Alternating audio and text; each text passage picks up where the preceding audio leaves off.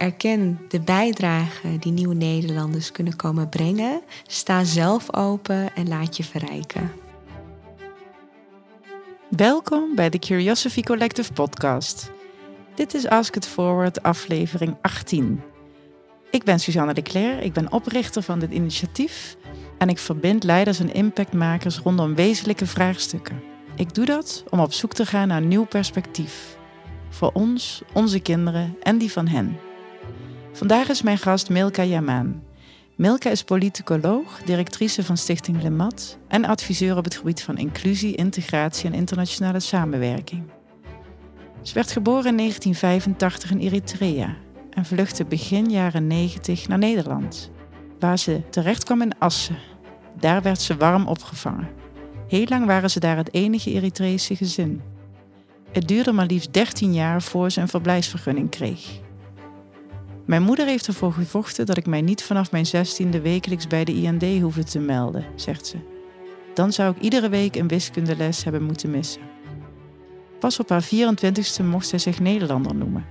Na haar master politicologie in New York gehaald te hebben, kwam ze terug in Nederland en hield zich vooral bezig met vraagstukken gericht op migratie en inclusie. Bij het COA voerde ze diverse missies uit in het zuiden van Italië en Turkije, in het kader van hervestiging en relocatie van vluchtelingen. Tijdens haar werk merkte ze dat het huidige inburgeringsbeleid en de hoge mate van verwachte zelfredzaamheid in bureaucratisch Nederland niet aansloot bij de behoeften en wat deze doelgroep kon. De doelgroep werd niet altijd begrepen en dat leidde soms tot onterechte en negatieve beeldvorming. Ze zag dat de oorzaak vaak lag bij interculturele miscommunicatie en dat deed haar pijn. Deze enorme veerkrachtige groep verdient zoveel beter, dacht ze. Zeker als je weet wat ze allemaal hebben meegemaakt en wat zij ondanks alles in hun mars hebben.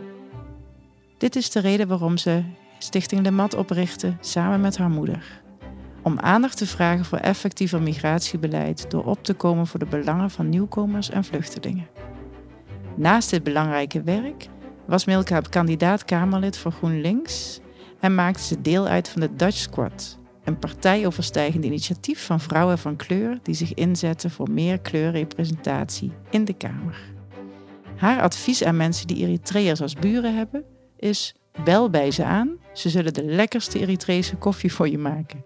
Want ze willen niets liever dan contact maken met Nederlanders. Ze weten alleen niet hoe. In deze aflevering ga ik op onderzoek uit met Milka naar de vraag die ze kreeg van Renzo Deurlo. Hoe verbinden wij het potentieel van statushouders aan wat Nederland nodig heeft?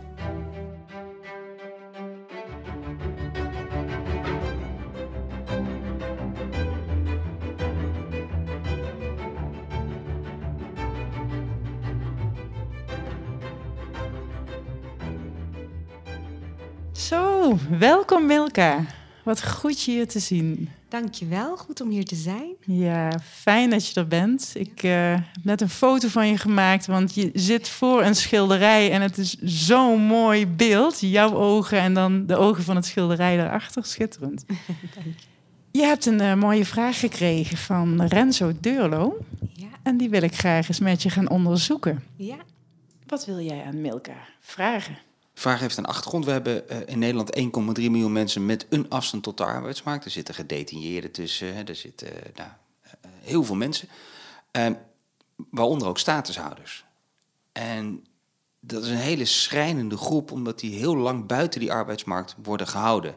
En in die periode, en daar gaat het mee om, die periode dat ze dus nog niet aan het werk gaan.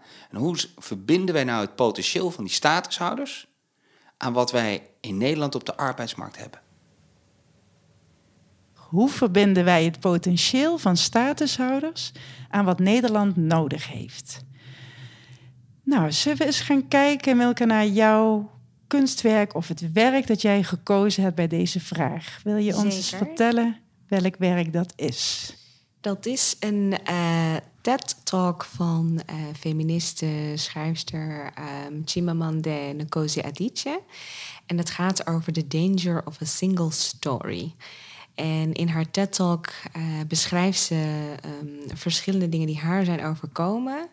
En ik vond het ja, heel erg toepasselijk uh, uh, bij deze vraag. Althans, haar verhaal helpt mij enorm in, te, in het uitleggen, maar ook het beantwoorden van deze vraag. Mooi, laten we gaan luisteren en kijken. Beste luisteraars, dat gaan jullie kunnen doen via de link bij deze podcast. Dan kunnen jullie ook kijken naar Chimamanda. I come from a conventional middle class Nigerian family. My father was a professor, my mother was an administrator. And so we had, as was the norm, living domestic help who would often come from nearby rural villages. So the year I turned eight, we got a new houseboy. His name was Fide. The only thing my mother told us about him was that his family was very poor. My mother sent yams and rice and our old clothes to his family.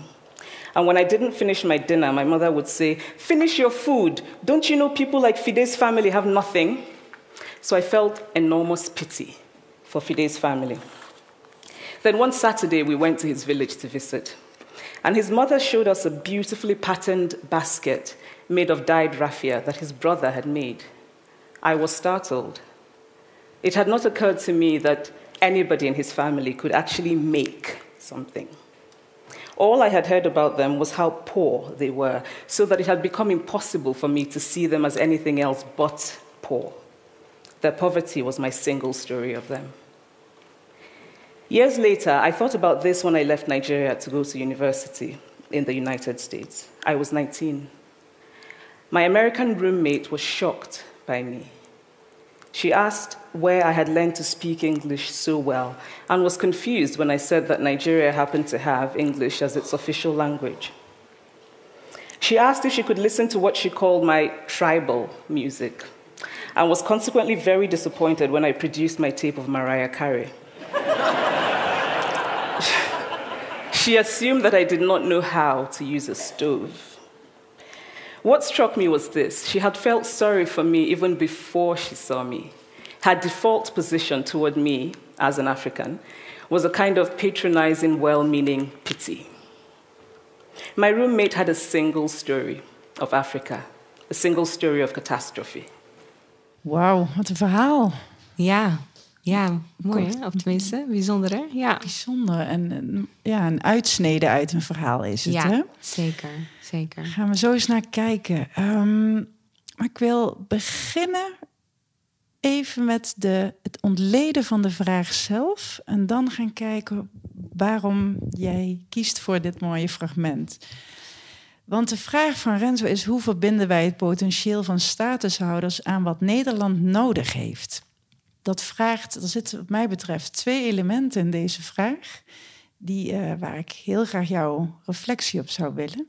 Allereerst de vraag: wie zijn statushouders? En als tweede, wat heeft Nederland nodig? Mooie vraag. dus beginnen we eens even. Statushouders. Statushouders. Ja, ja de, de, de termen die veranderen telkens. Maar eigenlijk zijn statushouders uh, mensen die gevlucht zijn uit uh, hun herkomstlanden, die in Nederland asiel hebben aangevraagd en een status hebben ontvangen, een status, een verblijfsvergunning voor asiel.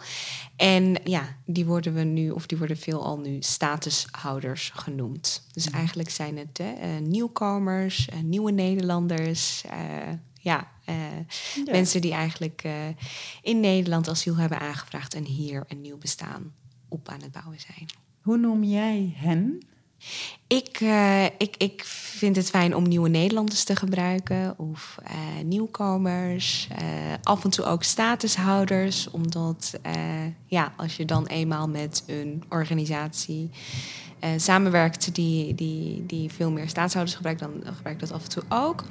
Alleen ik vind, ik vind nieuwe Nederlanders eigenlijk wel mooi. Ja. Mooi. Laten we die term gebruiken vanaf ja. nu. En even heel kort om een beetje gevoel te krijgen, die gaan we echt wel wat meer uitpakken. Maar wat heeft Nederland nodig dan? Ja, wat heeft Nederland nodig? Um, nou ja, als, als we inderdaad, hè, waar Renzo denk ik op doelt, als we kijken naar uh, best wel wat tekorten in bepaalde sectoren, als we kijken naar de zorg, maar ook uh, bepaalde uh, um, tekorten in de, in de technieksector of nou, Ehm, ik denk uh, als je veel meer zou kijken naar wat het potentieel zou kunnen zijn, dus hoe je statushouders of nieuwe Nederlanders inderdaad zou kunnen inzetten om ook uh, daarin te gaan werken, want die wil is er heel erg vanuit die nieuwe Nederlanders. En Nederland heeft een tekort. Dus hè, waarom zouden we niet denken 1 en 1 is 2? En ja, ja. op die manier inderdaad het potentieel uh, wat er is aan nieuwe Nederlanders ook inzetten om, uh, om ook aan Nederland te bouwen. Waarom zouden we dat niet doen? Nou, laten we eens kijken naar het mooie fragment dat je liet zien. Ja. Waarom doen wij dat niet? En wat zegt dit fragment daarover?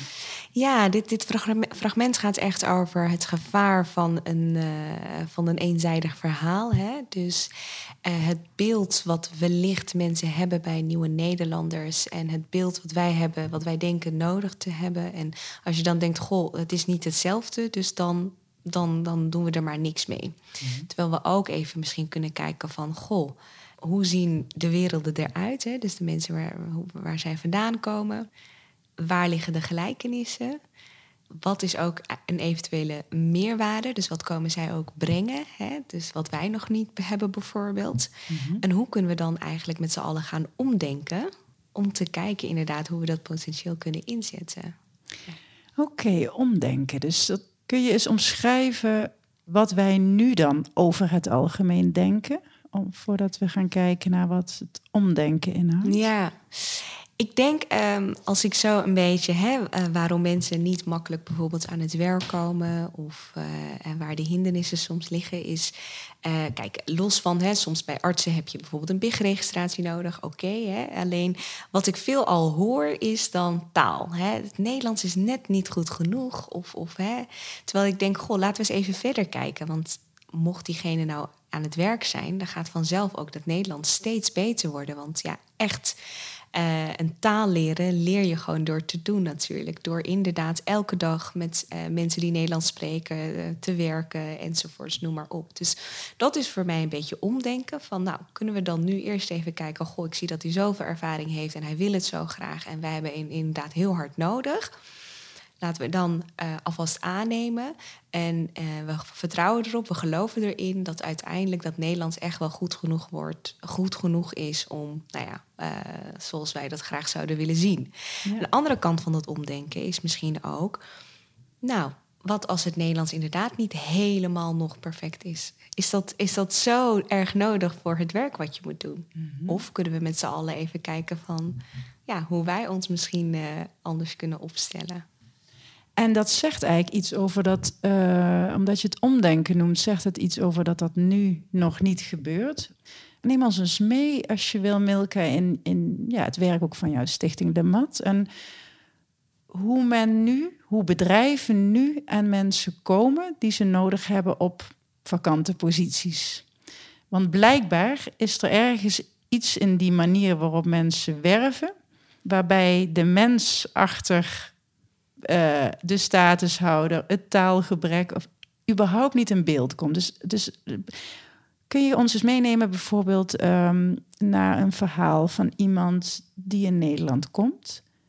En wat gebeurt er dan? Wat, hoe, bijvoorbeeld iemand die jij, uh, waar jij een brug voor bouwt vanuit de stichting. Kun je ons eens een voorbeeld geven? Um, ja, veelal als mensen eenmaal naar Nederland komen, uh, gaan ze eerst naar het AZC. Hè? Uh, dat valt onder het COA. En uh, daar wachten ze hun procedure af. En als ze eenmaal asiel hebben gekregen, dus een verblijfsvergunning hebben gekregen, wachten ze in het AZC totdat er een woning is gevonden. Vervolgens, uh, dat kan soms wel eens wat duren, soms een paar maanden, soms een jaar, soms wel twee jaar. Vervolgens vanuit het AZC komen ze inderdaad uh, in een woning in de gemeente.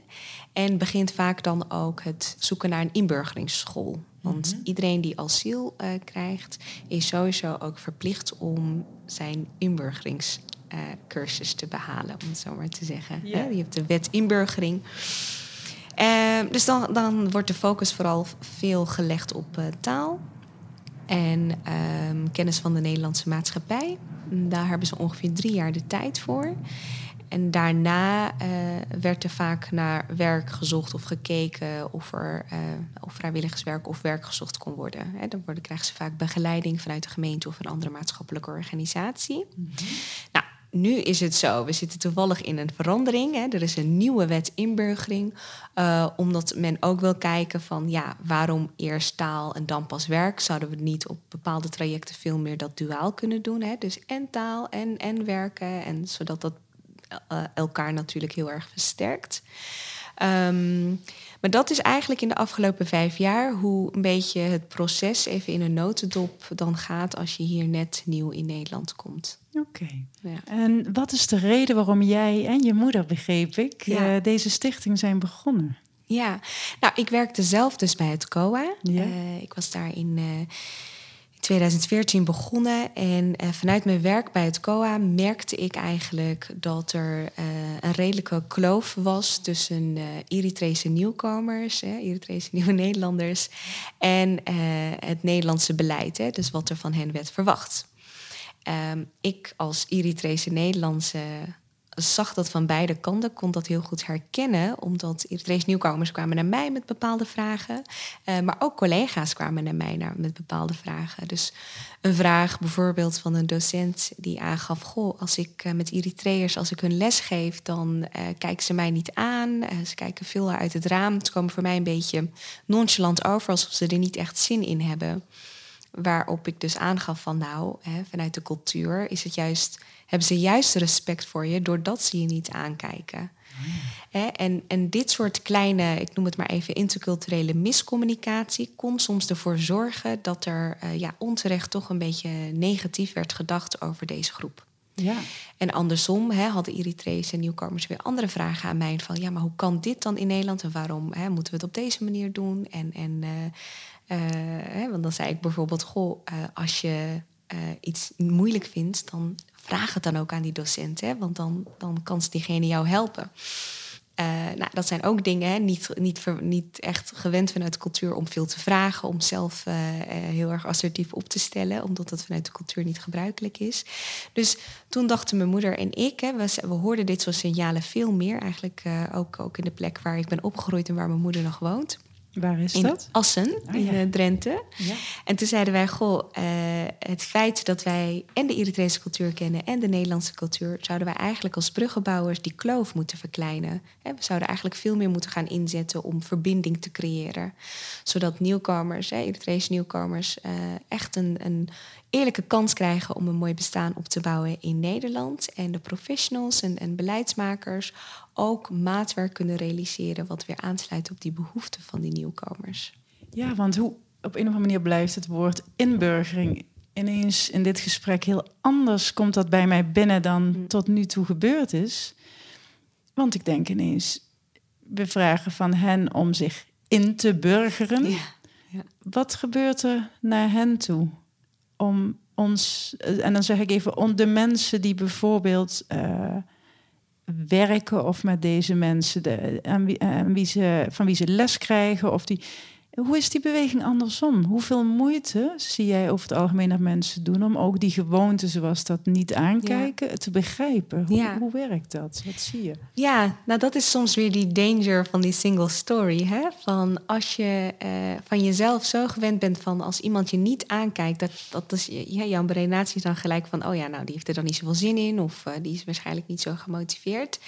Uh, dat is ook de reden waarom wij trainingen hiervoor hebben opgezet. Hè. Trainingen cultuursensitief werken met Eritrese nieuwkomers. Zodat wij deze uh, professionals ook meenemen in het verhaal. Hè, hoe de cultuur eruit ziet, wat ze hier tegenkomen, wat Eritrese nieuwkomers moeilijk vinden. En hoe zij, we geven hun echt handvaten voor de begeleiding voor deze groep. Ja. En nu moet ik zeggen dat het heel verschillend is per professional natuurlijk. Hè. Er zijn professionals die bijvoorbeeld uh, van zichzelf heel cultuursensitief zijn. Maar er zijn ook uh, mensen die dat nou ja, uh, moeilijk vinden of nooit um, op die manier of moeilijk toch contact krijgen of de begeleiding erg moeilijk vinden. En die proberen wij te ondersteunen en eigenlijk uh, mee te geven hoe je dat anders zou kunnen doen. Hoe je er dus ook hierin geldt weer dat omdenken. Ja, en um, wat mij fascineert aan, aan, de vraag al, maar we kiezen gewoon, hè, er is een begrip gekozen om een groep te duiden die we, waar we allemaal een beeld bij hebben. En tegelijk ook weer helemaal niet, hè, statushouders. Ik, ik vind dat een heel ingewikkeld woord. Ja. En tegelijk hoe, nou, nieuwe Nederlanders ga ik het vanaf nu noemen, maar we bedoelen eigenlijk de, de, ja, de groep mensen die nu in Nederland komen. Ehm, maar wanneer begint nou het moment, hè, en dat vraagt Renzo zich zo af, daar is hij ook erg mee bezig. Hij, hij zegt, er komt zoveel kwaliteit binnen elke dag in ons Ja. land. Zoveel mensen die zoveel kunnen en ambities, carrières al hebben doorlopen in alle mogelijke vakgebieden. Of dat nou op het gebied van timmeren is of chirurgie. Dus hij heeft een verwondering, maar ook een irritatie. Of hoe kan nou die Ja. weg zo lang duren? En wij hebben gewoon mensen nodig op allerlei plekken. ja, zeker. Ja. Hoe zie jij dat? Waar zitten nou de echte hobbels ja. in, eh, in dat pad? Ja, ehm, ik, ik, ik denk dat ik dan weer terug moet gaan naar inderdaad leren elkaars eh, wereld te kennen. Erken die waardevolle bijdrage die mensen ook meebrengen, eh, waar wij ook weer van kunnen leren. En drie, eh, het zet ook, we moeten zelf in actie komen om om te gaan denken. En niet in bepaalde tunnelvisie te blijven denken eigenlijk. Hè? Maar even denken van, goh, oké, nou ja, oké, Nederlands is nog niet misschien wat, wat ik in het eerste instantie zou willen. Maar weet je wat? Begin maar alvast, want ik weet dat je als arts hebt geopereerd of als timmerman of watsoever in je land van herkomst. En ik kan, of mijn bedrijf kan ook nog heel veel daarvan leren. Ja. Dus ik denk dat drie, drie- die drie stappen heel belangrijk is. En om iets heel concreets te maken, wij geven dus ook dit soort trainingen aan werkgevers, inderdaad. En er was een keer een jongen en die zei van. Na een maandje mocht ik niet meer terugkomen, na een maand proeftijd. Maar ik snap het niet, want ik deed alles wat mijn baas zei. Hè. Dus als hij een opdracht gaf, dan deed ik het. En ik wachtte totdat hij mij hè, iets aangaf dat ik moest doen. En ik was er altijd. Nou, en toen belde ik even met die leidinggevende en hij gaf aan: Ja, nee, nee, joh, nee, weet je wat het is? Hij is helemaal niet assertief. Hij schokt de hele dag achter me aan en wacht totdat ik hem een opdracht geef. Eh, ja, terwijl ik wil dat het ook even wat van zijn, vanuit zichzelf komt. Nou, waar, waar hebben we dan hiermee te maken? Weer te maken met die interculturele miscommunicatie. Want die Eritrese jongen is het gewend van: ja, als jij eh, zomaar vanuit jezelf iets gaat doen, dan schoffeer je een beetje de leidinggevende. Dat is vanuit onze cultuur nat dan. Ja. Terwijl hier verwachten we assertiviteit en noem maar op. Dus daarom is weer dat zo belangrijk van leer elkaars werelden kennen. En vervolgens inderdaad van oké, ehm, hij heeft hè, dat assertiviteit, oké, daar moet hij dan misschien nog in groeien. Maar wat neemt hij wel mee van land van herkomst? Nou, ik had een keer ehm, een collega van mij bij het COA die zei. Er was hier iemand, een, een boer, en die zei: Goh, eh, er zijn hier wat, wat nieuwe Nederlanders. En misschien willen ze een keertje kijken hoe het werken gaat op een boerderij. Nou, er waren een clubje die dat heel erg leuk vonden, waaronder ook veel Eritrese Nederland, nieuwe Nederlanders. En zij zijn gewend om in het agrarische veld te werken met heel weinig apparaten. Dus toen de, eh, die, die, die boer die zei dus van, maar het wordt wel heel zwaar werk hoor. Dus waarschuw ze een beetje. Dus mijn collega had ze gewaarschuwd. Nou, en die jongens kwamen op een gegeven moment terug. En mijn collega zei, en hoe was het? Was het zwaar? Zwaar? Hè? Weet je wel, die dachten, hoezo zwaar? Want die zijn zo gewend om kilometers te lopen. Die hebben echt enorme uithoudingsvermogen en noem maar op. Dus eh, kijk ook zeg maar naar die extra competenties en vaardigheden die mensen meenemen. Welke jij je natuurlijk ook weer kan toepassen binnen jouw bedrijf. Nou, en dan komen we weer bij dat derde. En dat is van hoe gaan we nu eventjes die voorwaarden waar we altijd zo er ons op vastbijten. Hoe gaan we dat een beetje loslaten? En kijken we veel meer van, nou, wat hebben wij nodig? Wat hebben wij, zij nodig? En dan gaan we het gewoon op een andere manier invullen.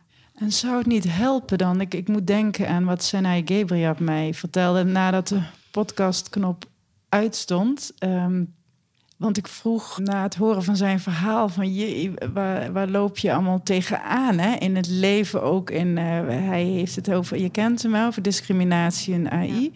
En we kregen het over geluk en over, nou, wat, wat we waaien er wat uit in de onderwerpen. En op een gegeven moment zei hij iets in de sfeer van, maar als je vandaan komt waar ik vandaan kom, is dit allemaal zo'n groot feest. En ineens besefte ik mij dat eh, als je komt uit een land als Eritrea, in de tijd waarin hij daar vandaan kwam, de bagage die een mens meeneemt, naast de pijn en het ja, het niet voorstelbare voor mij, wat, wat, wat je dan meeneemt, zit er natuurlijk is dat ook een kracht die ongekend is. Hè?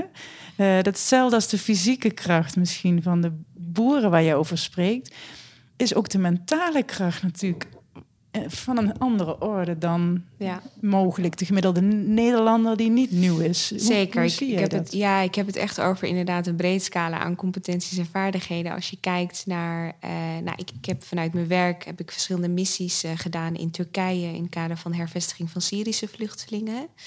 En als je dan hoort wat zij hebben meegemaakt, um, wat zij in, in de Turkse kampen, daar hebben moeten overleven.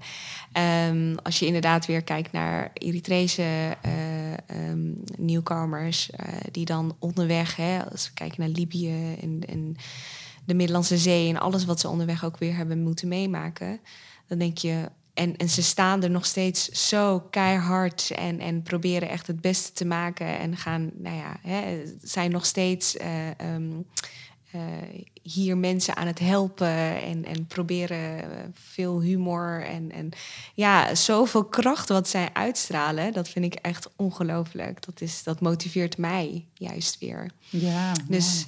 Um, want als je, als je ziet hoe, ondanks alles wat ze hebben meegemaakt, en dan hier is het ook gewoon niet altijd makkelijk, maar nog steeds zo keihard doorgaan. Uh, maar er ook nog zo erg zijn voor elkaar. Dus als iemand een probleem heeft, dan zijn ze er ook met z'n allen. En uh, ja, dat, is, dat vind ik heel bewonderingswaardig. Ja. Nou, en wat gebeurt er nou met mensen? Want dat zul jij veel zien.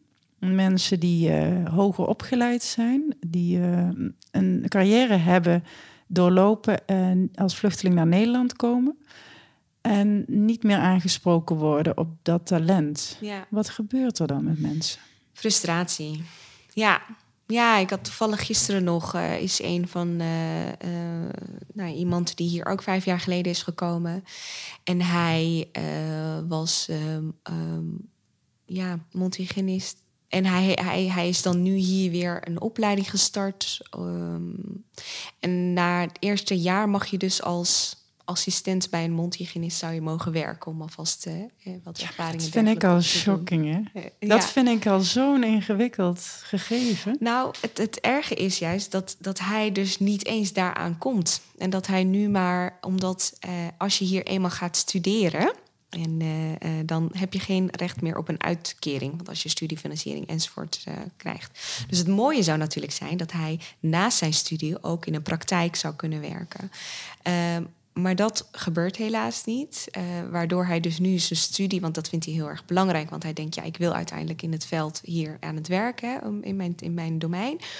Mm, en doet hij nu dus ja, gewoon bepaald werk wat heel zwaar is en uh, eigenlijk niet verder past bij wat hij um, zou willen of wat hij kan. En allemaal, waarom wordt hij telkens dus afgewezen om dus uh, binnen zo'n praktijk aan het werk te gaan? En dan zegt ze ja, taal. Terwijl als ik, ik spreek volledig in het Nederlands met hem, niet eens in het Chigrinya. En dan denk ik, goh, waarom stoten wij dat zo snel af als we iemand met een accent horen spreken? Of hè, dat ligt ook, dat is ook onze eigen ja, onvermogen misschien wel. Hè? Dus ook weer hierin moeten wij daarin gaan omdenken. En wat vraagt het dan? Want ik, ik, eh, ik, hoor taal, maar ik denk alleen maar als dus iemand komt die dit vak al kent, hè, dan kan ik mij voorstellen dat in ons land het vak weer aan andere normen en waarden en regels moet voldoen. Dat kan ik me, hè, dat kan ik me voorstellen. Maar überhaupt het feit dat iemand opnieuw zou moeten gaan leren om zijn eigen vak te leren, is, daar begint toch al een heel vreemd, ja. vreemde situatie. Zeker, en je ziet in heel veel dingen dat er toch wel een, een stukje opnieuw moet, of toch even anders. En, uh, en uh, ik, ken, ik ken ook een dame die, uh, die eigenlijk al een bachelor heeft in social work, en die nu dan op het MBO is gestart, omdat ja, haar, het wordt wel gewaardeerd als HBO-niveau. Alleen om het werk te doen wat ze wil doen, willen ze wel liever dat je een, een diploma hier vanuit Nederland hebt. Waarom? Ja, dat is de vraag. Kijk, hè, en, en uh, in sommige velden is het dan zo dat er dan toch andere methodieken worden gebruikt of iets dergelijks. Nou, daar kan je dan wat van vinden. Maar het is soms wel uh, heel, heel erg uh, moeilijk te begrijpen dat mensen eigenlijk hier weer opnieuw moeten starten. Ja. En wat is dan um, nou, mensen zoals jij en Renzo, die zien dit, die zitten er met hun neus bovenop, zeg maar, op de, de pijnlijkheid van dit gegeven. Ja. Jullie zijn er ook mee bezig. Jullie proberen bruggen te slaan hè, op, op, voor mensen met een afstand tot de arbeidsmarkt. Maar dat hebben jouw mensen ook. Hè, waar jij, dus het gaat allemaal over die afstand, over bruggen. Kun jij een interventie bedenken, bijvoorbeeld vanuit de overheid, die een hoop hobbels in één keer weg zou nemen? Um, ja. Vertel. Eén uh, denk ik van, goh, als je per se heel graag wil dat die persoon weer um, dat, dat vak gaat doen. Hè? Dus laten we zeggen een, een bijvoorbeeld een arts. Alleen die moet wel weer even wat gaan studeren om zeg maar om nou ja, een beetje aan bepaalde Nederlandse voorwaarden te voldoen. Dan zou ik zeggen, uh, laat diegene dat doen met behoud van uitkering. Hè, zodat hij zich echt daarop kan focussen en na een paar jaar ook gewoon duurzaam uit die uitkering uh, nou ja, weggaat, zeg maar, omdat hij gewoon een baan heeft gevonden. Maar nu, omdat mensen uh, zien dat uh, als je eenmaal moet studeren, dan moet je daarnaast ook een bijbaantje hebben. En het is al heel moeilijk om voor nieuwkomers een bijbaantje te zoeken. Waardoor ze ja, werk gaan doen wat niet per se bij hun past. En wat ja. dus vaak onder hun niveau is. Dus door deze eigenlijk een beetje simpele uh, hindernis al weg te nemen. Dus dat mensen hun studie mogen doen wat ze moeten aanvullen om weer in hun veld te werken. Ik denk dat dat een enorme duurzame oplossing zou kunnen zijn. Dus dat is al één. Twee is denk ik, ik denk dat we heel erg moeten gaan leren van de expatwereld. Want daar spreken mensen ook niet per se Nederlands. Maar toch, hè, als je kijkt naar uh, een vriend van mij die werkt bij ASML bijvoorbeeld. En die zegt, ja, we spreken nooit Nederlands op het werk. Nee. Of ik ken mensen die uh, uit uh, kennissen van mij, die komen oorspronkelijk uit Maleisië. En die werken bij Shell. Hè, dus hoe, kunnen we, hoe kan het dan zo zijn dat zij dat omdenken wel hebben kunnen inzetten? Ja. He, dus ik denk dat daar heel veel lering uit valt te halen. En um, ja, wat ik zeg, ik denk dat we ons niet per se moeten vastpinnen op die voorwaarden waarvan wij denken dat is echt keihard nodig. Misschien moeten we opnieuw even kijken van, goh, zou het inderdaad kunnen als, als iemand bijvoorbeeld nog niet inderdaad helemaal vloeiend Nederlands spreekt? Kan die, wat voor nadelen zou dat hebben voor het uitvoeren van dit werk? Ja. Die, die jongen waar ik het net over had, hè, die dus dan nu niet bij een praktijk kan werken omdat hij telkens wordt afgewezen omdat zijn Nederlands niet vloeiend is. Nou, hij spreekt echt heel goed Nederlands. En dan dacht ik bij mezelf, nou, hè, ik, ik ga dan even na van, nou, als ik bij mijn mondhygiëniste kom, wat, wat is dat? Hè? Het zijn niet, hè, ja, hoezo zou dat niet kunnen? Hè? Diegene vertelt mij hoe ik mijn gebit moet verzorgen, wat er anders moet. Ik, ik stel mij vragen en dat is denk ik prima. Ja. Dat zou je heel goed kunnen nog steeds. Ik kan me ook voorstellen dat, uh, dat mensen ja, wij weten dat het zo is. Het kan soms wat extra moeite kan nodig zijn. Of ook een begrip van uh, het feit dat als je mondhygiëniste een nieuwe Nederlander is, dat je even begrijpt ja. dat de taal misschien niet ja. zo vloeiend is als wij zouden zeggen, of dat er een andere gewoonte is waar ja. de, de klant uh, over geïnformeerd kan worden. Ja, zeker. Gebeurt dat ook? Worden wij, zijn er situaties waarin ook bedrijven gewoon moeite doen om het pad vrij te maken voor het talent van de nieuwe ja. Nederlander? Ja, ik zie soms inderdaad wel mooie voorbeelden. Dat ze bijvoorbeeld een buddy aanstellen voor diegene op de werkvloer. Hè, zodat oh ja. wanneer die uh, vraag heeft uh, en het nog misschien uh, nou ja, niet gewend is om direct naar een leidinggevende te stappen, dat die dan eerst zeg maar even met een buddy daarover in gesprek kan gaan. Van ja. goh, ik zit met deze probleem op dit moment wat, wat moet ik nu doen, zeg maar. Dus ik vind dat soort projecten heel mooi. Dus dat ze een buddy koppelen die ook ja. diegene begrijpt. Soms ook zelfs in eigen taal. Um, maar ik zie soms ook bijvoorbeeld uh, um, iemand van de gemeente een keer die aangaf van... Nou ja, ik denk dat het zo belangrijk is om dat vertrouwensband eerst goed uh, daarin te investeren hè, met een nieuwe Nederlander zodat we op uh, een soort van, uh, nou ja, echt, uh, hoe zeg je dat? Doordat we die vertrouwensband hebben, is hij open naar mij toe en kunnen we ook misschien veel meer kijken van wat nou bij hem past enzovoort. Hè? Dus echt het investeren in die goede band. En toen gaf ze aan van, nou, in plaats van zo zakelijk op kantoor af te spreken, ben ik een keer uh, in het park op een bankje gaan afspreken. Zodat diegene hè, niet gelijk zo, uh, ja. ja. misschien als hij nerveus is omdat hij bij zo'n kantoor van een gemeente komt, nou, dan maak ik het even laagdrempeliger voor diegene. Ja. Dat vind ik mooie voorbeelden waarbij je dus als professional eigenlijk uit je weg gaat om een beetje tegemoet te komen uh, bij een nieuw Nederlander. Ja. Ik moet denken, wij hebben, eh, bij de Curiosity Collective werken we vanuit drie principes in alle events die we programmeren of bedrijven die we begeleiden. En één daarvan is slimme sensitiviteit. Mm.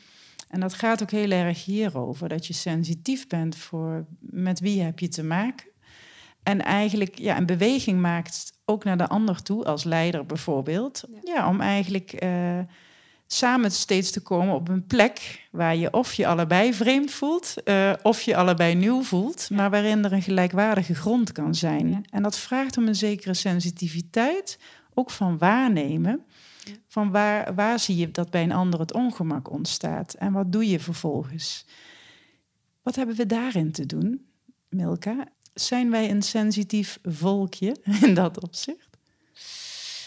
Ja, moeilijk. Ik uh, denk dat we echt wel wat sensitiever mogen worden. Ja, en dat, je kan natuurlijk niet over iedereen spreken. Er zijn denk ik, eh, ik denk ook dat het heel erg van afhangt waar je woont, ook in Nederland. Want ook, eh, ik ben dus opgegroeid in Assen en vervolgens ging ik naar Rotterdam en nu woon ik in Amsterdam.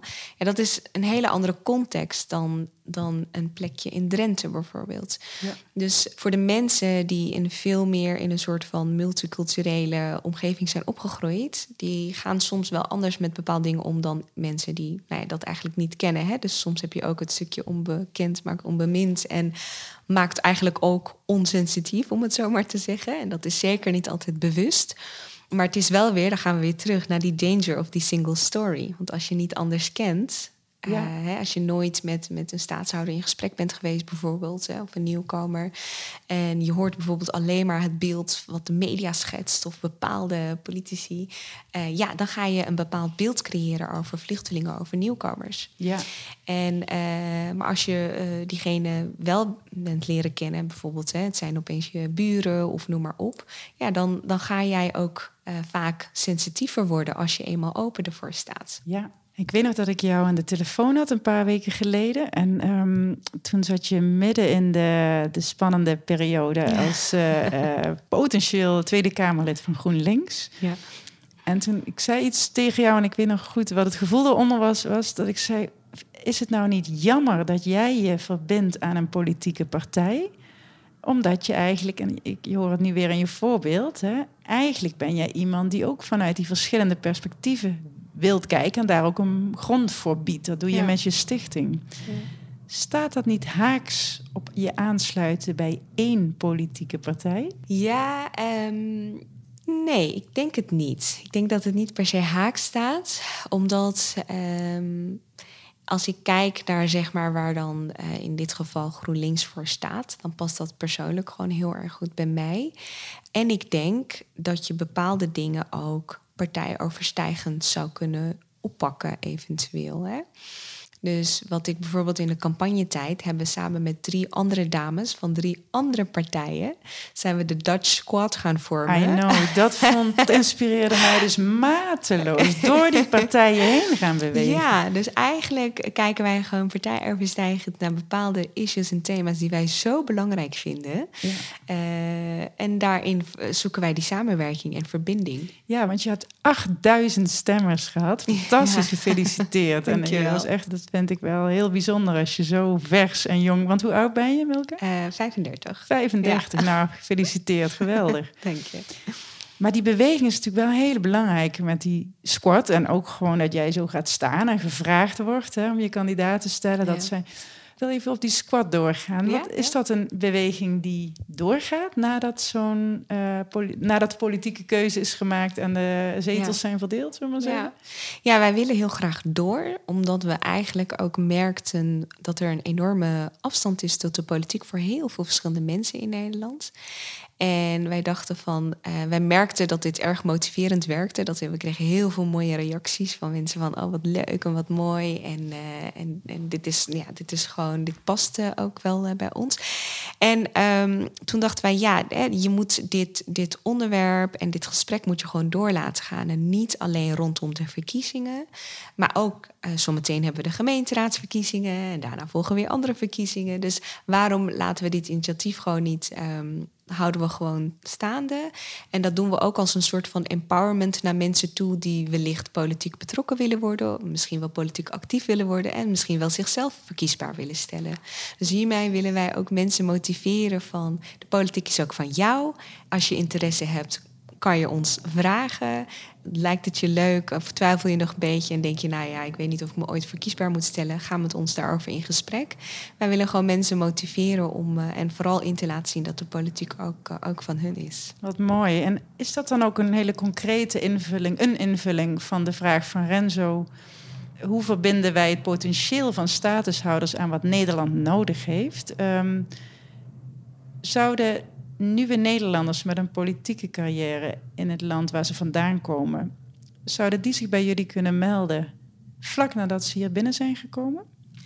Ik denk, ja, natuurlijk, waarom niet? Ja, zeker, kunnen melden, zeker. En uh, wij zouden gewoon graag met hun willen kijken. Er is toevallig een, een jongen uit Syrië die, die mij daar ook naar vroeg. En die hier nu een enkel jaar in Nederland.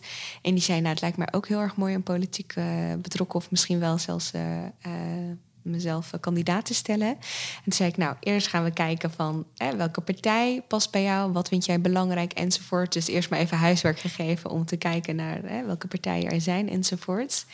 En, uh, en daarna gaan we gewoon, uh, zijn we nu af en toe daarover in gesprek. En ja, er, er, is altijd een verschil. Dus misschien goed om te vertellen dat mensen met een verblijfsvergunning, dus status, daarom wordt ze ook statushouders genoemd, die mogen nog niet stemmen voor de landelijke verkiezingen. Dat mogen echt mensen die een paspoort hebben, dus die zich genaturaliseerd hebben. Maar voor de gemeenteraad kunnen ze en stemmen. En dus dat is dan wel weer uh, een heel oh, mooi ja. iets. Ja.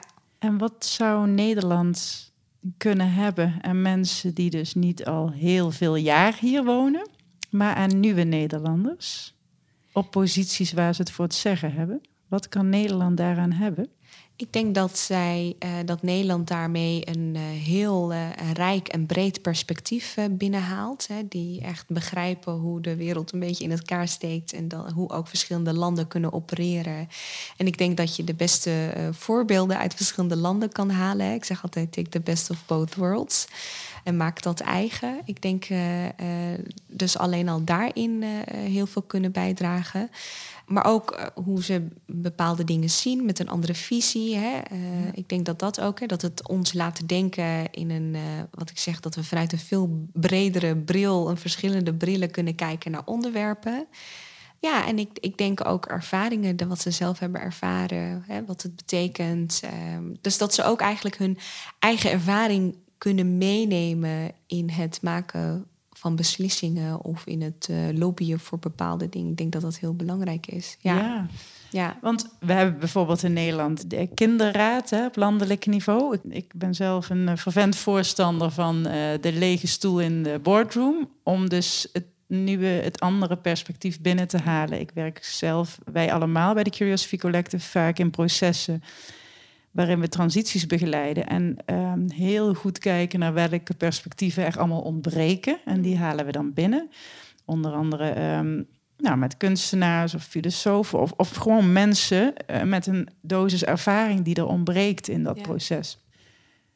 Is, zijn er initiatieven waarin dat ook gebeurt, waarin dus heel bewust gekeken wordt naar een bepaald talent of een achtergrond van nieuwe Nederlanders en wat een organisatie tijdelijk nodig heeft om ja. tot besluitvorming te komen? Ja, dat vind ik een hele goede.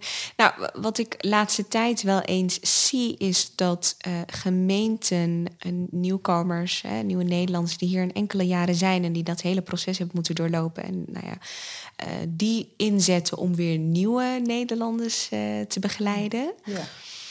En, en er, er zijn enkele mensen die ook echt in dienst zijn genomen door de gemeente bijvoorbeeld. Hè? Zodat je eigenlijk dat cultuur, sensitiviteit uh, eigenlijk binnenhaalt in je, in je organisatie, zodat andere collega's daar natuurlijk ook van kunnen leren.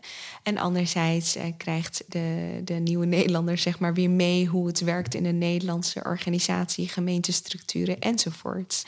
Dus ik vind dat soort voorbeelden altijd een enorme win-win. Uh, wat ik nu nog helaas te vaak zie, is dat ze die mensen wel inzetten, maar dan als vrijwilliger. En één jaar, twee jaar, drie jaar als vrijwilliger. Kijk, in het begin vrijwilligerswerk doen of een stage is natuurlijk prima. Eh, maar het feit dat, dat, dat, dat het maar door blijft gaan, terwijl je eigenlijk als organisatie heel goed weet dat je die expertise gewoon nodig hebt. Die heb jij nodig om nieuwe Nederlanders op de juiste manier te begeleiden. Uh, maar op een of andere manier, hè, dan gaan we het weer naar over die vraag waarin zo wordt het toch, dat omdenken gaat dan niet gebeuren om die mensen echt uh, in dienst te nemen. Hoe kan het dat de waardering er dan eigenlijk niet voldoende komt? Wat... Ja, en dat is denk ik vaak omdat uh, mensen um, ik, ik, ik, vraag dat ook heel vaak. En dan gaat het al heel snel over budgetten en dat soort uh, dingen. En dan zeg ik, ja, maar dat, dat, dat bestaat eigenlijk niet. Want ik zie genoeg vacatures binnenkomen over een nieuwe communicatieadviseur of iemand voor de financiële afdeling.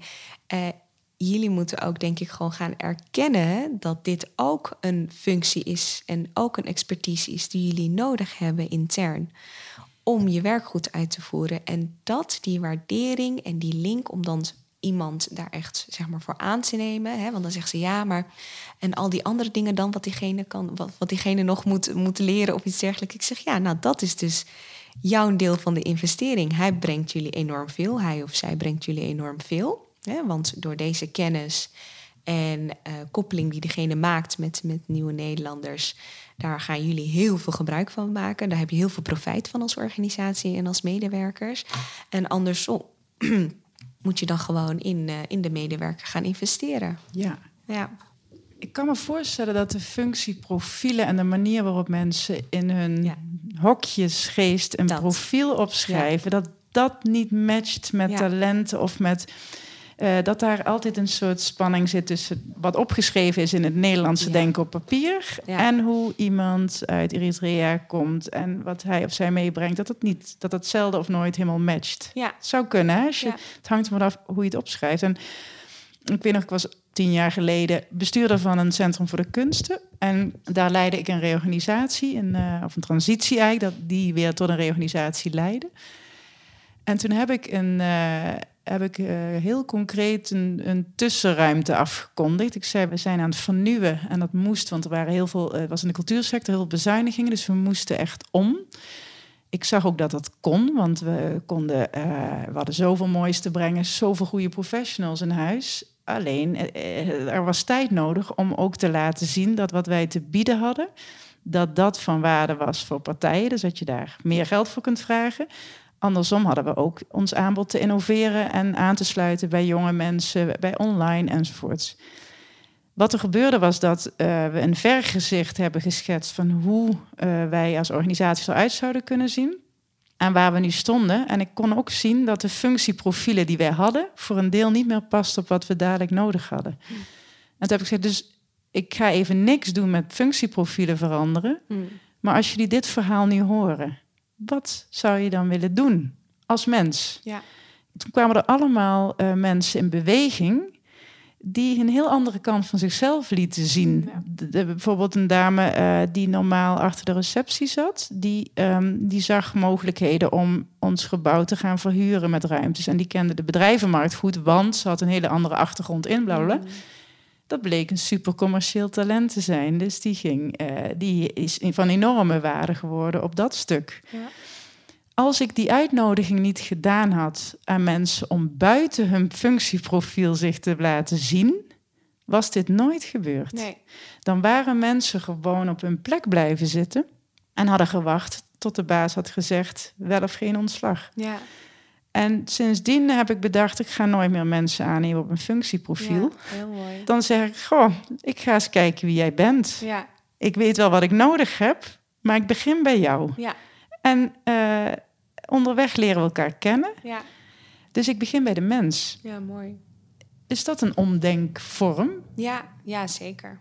Ja, want eigenlijk belemmeren die profielen ons toch redelijk. Ja, dat is het dus. Hè. Die, die, wat ik net ook eerder zei, hè, dat vastpinnen op die voorwaarden. Hè, van we moeten dit hebben, we moeten zo hebben. Hij moet Nederlands kunnen, hij moet uh, deze opleiding aan deze school hebben afgerond.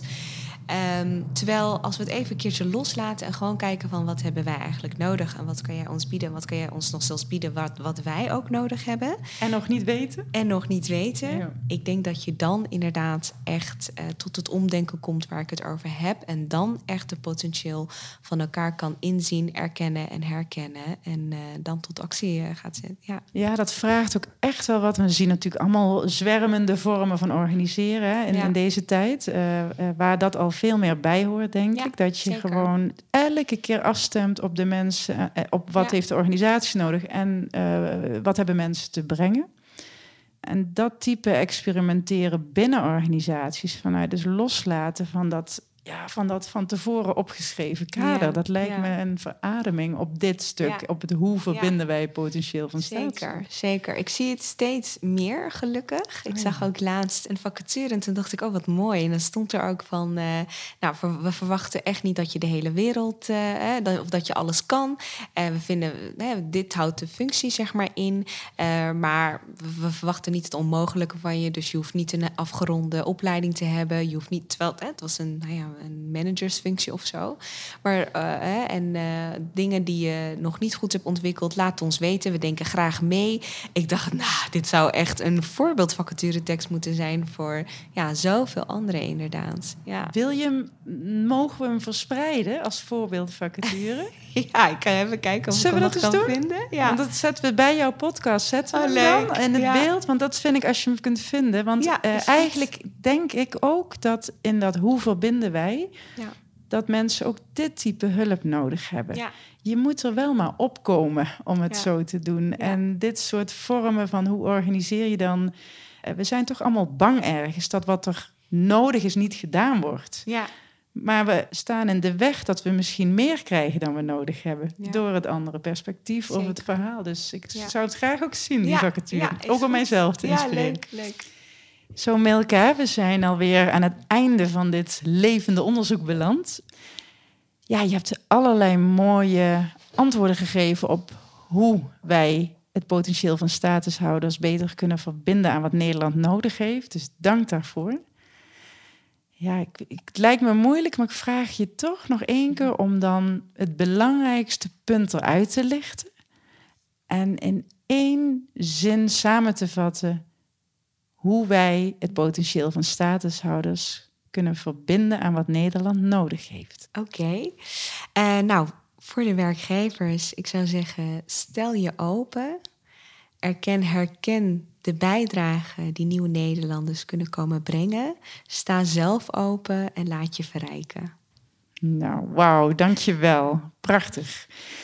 Nou, de, de gast aan wie je jouw vraag mag doorgeven is iemand die de meeste Nederlanders kennen, inclusief de nieuwe Nederlanders, schat ik zo in.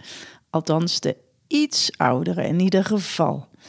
Want hij was ruim 14 jaar voorzitter van Ajax, voorzitter van de KNVB, lid van de executive committee van de UEFA en is nu nog voorzitter van de Nederlandse Sportraad, bestuurslid van Johan Cruijff eh, Foundation en schreef een prachtig boek onlangs.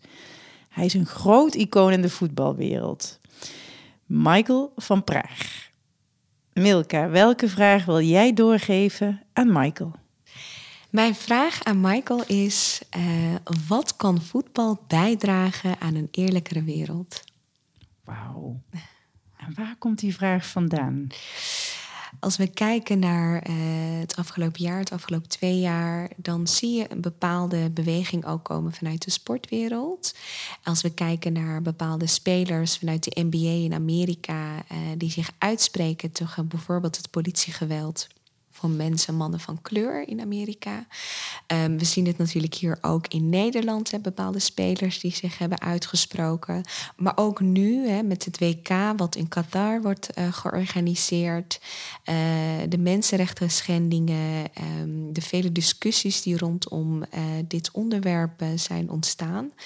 Daarom vraag ik me af, voetbal heeft een enorm groot platform. En hoe zou dat eigenlijk kunnen worden ingezet eh, ja, om, eh, om de wereld wat eh, eerlijker te maken? Prachtige vraag zeg. Ik ga hem met liefde en verve doorgeven aan Michael. Hartelijk dank voor je bijdrage, Milka. Jij ook heel erg bedankt. Ik vond het hartstikke leuk. Goed zo, ik ook.